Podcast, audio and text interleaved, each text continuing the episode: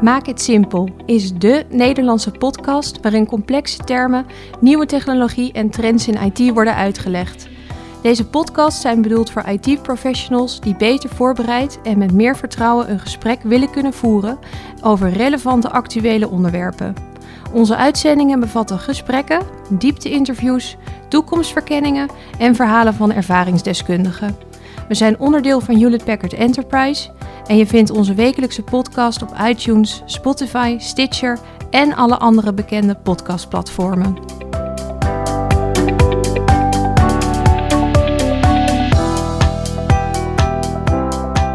Welkom bij de podcast Maak dit simpel. Mijn naam is Arnold van der Kaai, Enterprise Architect bij Hewlett Packard Enterprise. En vandaag gaan we het hebben over Hyperconverged Infrastructure, oftewel HCI. Een term die, eh, die nou ja, veel voorbij komt eh, in de industrie op dit moment. Er zijn ook vele oplossingen voor. Dus ik dacht dat lijkt me een goed idee om daar nu eens een podcast over te maken. Michael, kun jij jezelf voorstellen? Ja, Michael Soekoe, Technology Architect bij Hewlett Packard Enterprise uh, met een sterke focus op uh, HCI.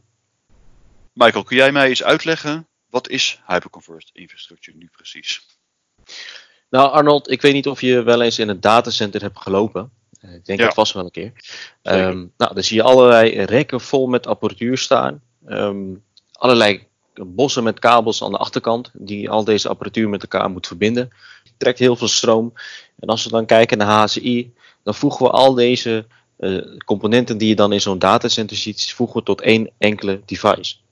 Nou, je kunt het een beetje vergelijken met, uh, met vroeger hadden wij allerlei um, losse uh, apparaten, een calculator, een videocamera, een Walkman.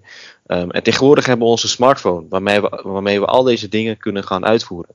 Dat is HCI.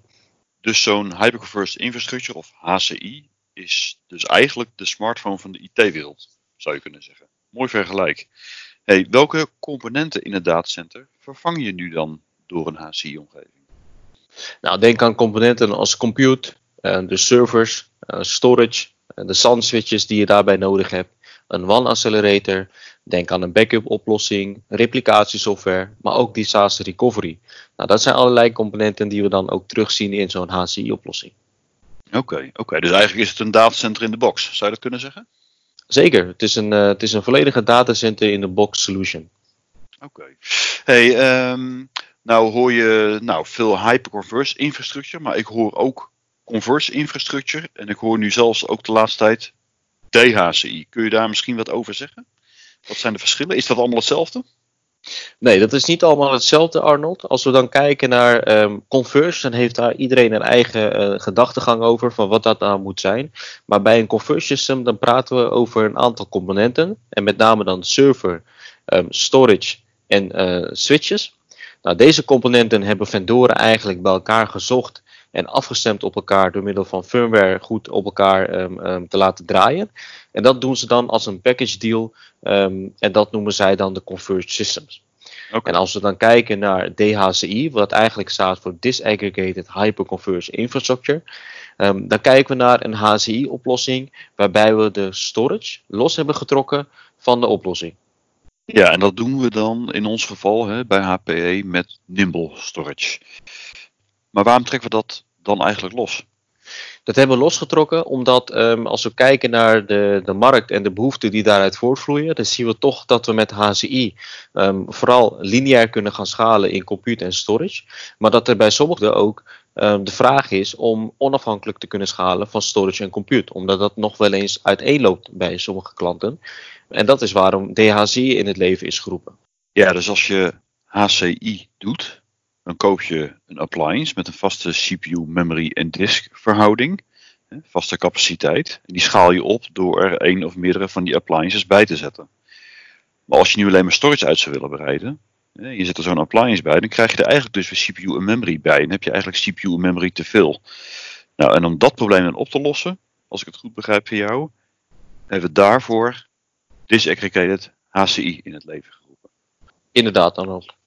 Oké, dus we hebben converged infrastructure of converged systems, zoals jij dat net noemde, waarbij je nog wel al die losse componenten hebt, maar dat gestandardiseerd als stack uitlevert aan een klant. Je hebt disaggregated HCI. dat is eigenlijk HCI waarbij je de compute en de storage, in ons geval Nimble, los van elkaar kan opschalen. En je hebt HCI, of Simplicity heet dat bij ons. En dat is waar we het nu dan verder over gaan hebben in deze podcast. Wat ik me afvraag, wat heb je als klant nu precies aan zo'n hyperconverged of HCI oplossing? Nou goed, als je dan kijkt naar een, een rek vol met apparatuur versus eigenlijk één of twee dozen, dan heb je bij een rek vol met apparatuur heb je veel meer complexiteit. Heb je veel meer beheerslasten. En, en denk ook aan de type componenten die je in zo'n rek hebt. Een storage device, een server, een, een netwerk uh, switch. Dat zijn allerlei um, apparaten waarbij je verschillende uh, bloedgroepen aan IT nodig hebt om eigenlijk de boel te managen. Nou goed, bij HCI zijn al deze dingen samengevoegd. Dus dat betekent dat je dus ook niet meer al deze mensen nodig hebt om de boel te gaan managen. Aha, je bent dus af van die aparte beheerteams voor servers, voor storage, voor networking. En je kunt met je mensen eigenlijk de hele stack gaan beheren. Daarmee heb je dus minder mensen nodig en de tijd die mensen daarmee vrij krijgen, kunnen ze gaan gebruiken om zich op andere zaken te richten, zoals bijvoorbeeld innovatie. Zou je dat kunnen zeggen? Ja, dat kun je inderdaad zo zeggen, omdat je dus dan niet meer die silo's hebt, of tenminste de eilandjes met storage, met networking en, en virtualisatie. Maar dat is nu allemaal gewoon één grote eiland. En dat is zo um, vereenvoudigd dat het ook heel makkelijk te beheren is. Denk aan upgrades uitvoeren, firmware, software, drivers en andere afhankelijkheden. Dat is met één klik is dat allemaal te upgraden. Nou, op het moment dat je moet gaan schalen, dan is het eigenlijk een doos erbij prikken. Nou, die zet je aan, die configureer je.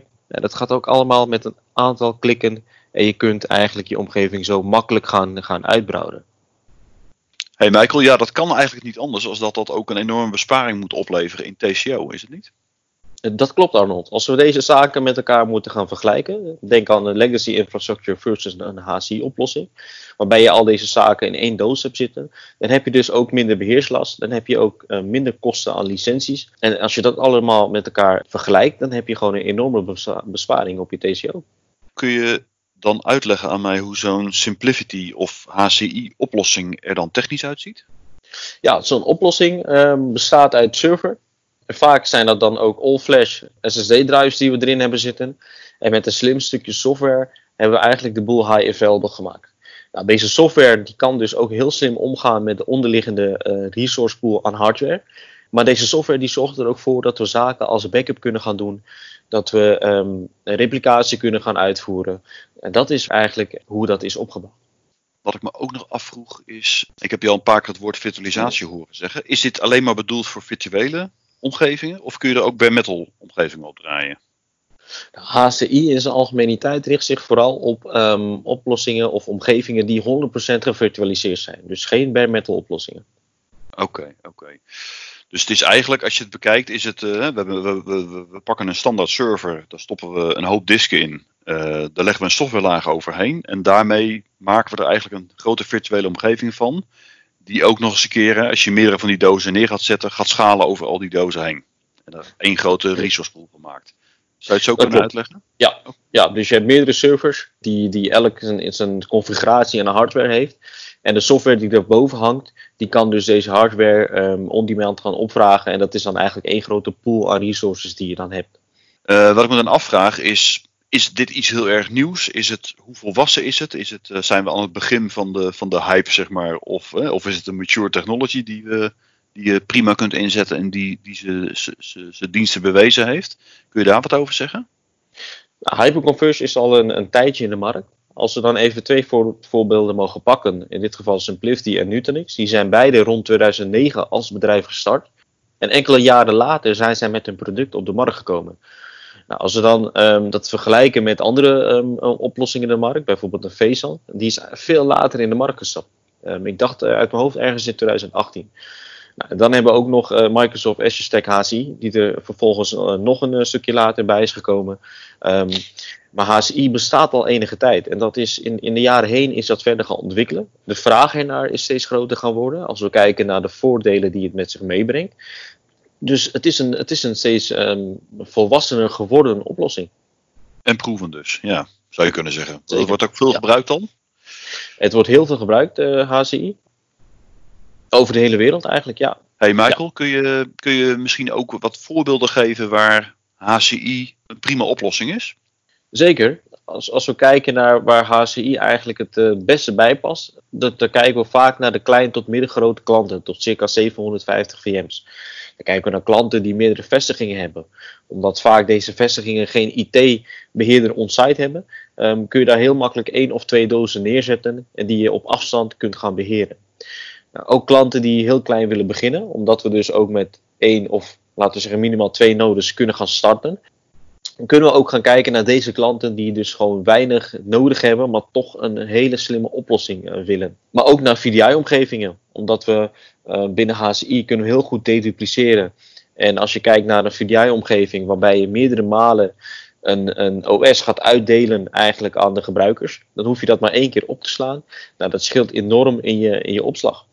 Maar ook aan um, klanten die zeggen van ik wil graag een datacenter consolidatie. Ik wil niet meer al die rekken vol met apparatuur, want dat is heel complex. Dat is ook een hele goede um, um, sweet spot voor uh, HCI. Uh, wij ondersteunen bijvoorbeeld ook containerisatie. Dus dat betekent dat we ook voor test en dev een hele goede use case hebben. Maar ook voor ja, tier 1 applications, general purpose applications en klanten die ook gewoon heel veel performance nodig hebben. Denk aan bijvoorbeeld een hele leuke referent. Um, in dit geval Aston Martin Red Bull Racing. Die HCI gebruikt om hun omgeving eigenlijk um, sneller te maken. Dus hun data-analyses die ze voorheen met een, een traditionele omgeving gingen, gingen uitvoeren. Nou, dat deden ze daar ongeveer 9 minuten over. En nu kunnen ze met HCI kunnen ze daar ja, twee minuten over doen. Nou, dat is een besparing van zeven minuten die zij, uh, die zij hebben. Nou, Arnold, ik weet niet of je wel eens hebt gezien wat de mannen tijdens een pitstop doen. Maar ik denk dat ze in zeven minuten wel twee keer de auto uit elkaar kunnen halen en in elkaar kunnen zetten. Zo'n ja. veel besparing levert het deze jongens op. Ja, ja, daar telt sowieso natuurlijk iedere seconde. Hè? Dus iedere seconde sneller is, is daar enorme winst. Uh, ja, wat ik ook wel eens heb gehoord daar, hè, normaal gesproken was het geloof ik zo dat ze in die pitlanes, zeg maar, waar ze die apparatuur in hebben staan, dat die, die mannen daar zeg maar een soort VDI-sessie hadden naar het datacenter zeg maar, van Aston Martin verderop. Hè, maar dat het eigenlijk ja, met die afstand zeg maar, en die latency ja, gewoon niet snel genoeg was. En dit is een soort, nou zeggen we wel eens een omgekeerde VDI. Hè. Je gaat eigenlijk al je bewerkingen ga je in die pitlane doen op je HCI-omgeving. En uiteindelijk stuur je de resultaten zeg maar, terug naar het datacenter. Eigenlijk een hele andere manier van werken ook, die hiermee gekomen is bij deze mannen. Ja, zeker. Het is, het is, uh, het is nu het remote werken. Ja. ja. Hey, dan als afsluiting, want we zitten alweer aardig aan de tijd, zie ik. Hoe kun je nu makkelijk met deze HCI of Simplicity technologie beginnen? De HCI is op zich een hele makkelijke technologie om te adopteren. Als we dan kijken naar hoe we het kunnen neerzetten, het zijn gewoon standaard bouwblokken. Nou, die zet je neer. Um, en vaak komt daar ook een hele makkelijke tool bij, waardoor je als beheerder uh, met een paar klikken kun je hem in de lucht uh, gaan brengen. Nou, op het moment dat je moet gaan upgraden, had ik net al verteld, kun je dat met één klik gaan doen. Nou, dat zijn allerlei dingen waardoor het heel makkelijk maakt om HCI te gaan adopteren. Ja, ja nou, dus het heel makkelijk neer te eh, zetten en, en makkelijk te beheren daarna eigenlijk ook. Ja, en we zien dus ook dat we met bekende tooling werken, um, vCenter. Dus wat het eigenlijk nog makkelijker maakt voor de beheerder om, uh, om het uh, te kunnen deployen. Hey, nou uh, Michael, uh, dankjewel. Het is mij een stuk duidelijker. Ik hoop uh, voor onze luisteraars ook. En nou, ik hoop je in de toekomst nog eens een keer te mogen strikken voor een volgende podcast. Dus hartstikke bedankt. Dankjewel Arnold, dat gaan we zeker doen. Oké, okay, tot ziens. Bedankt voor het luisteren naar deze uitzending van Maak het Simpel. Wil je automatisch wekelijkse podcast ontvangen? Klik dan op abonneren in jouw favoriete podcastprogramma. Graag willen wij weten wat je vond van deze podcast en nodigen je van harte uit om een korte review achter te laten of een like. Heb je vragen of opmerkingen? Stuur dan een mail naar podcast.nl@hpe.com. Graag tot de volgende keer.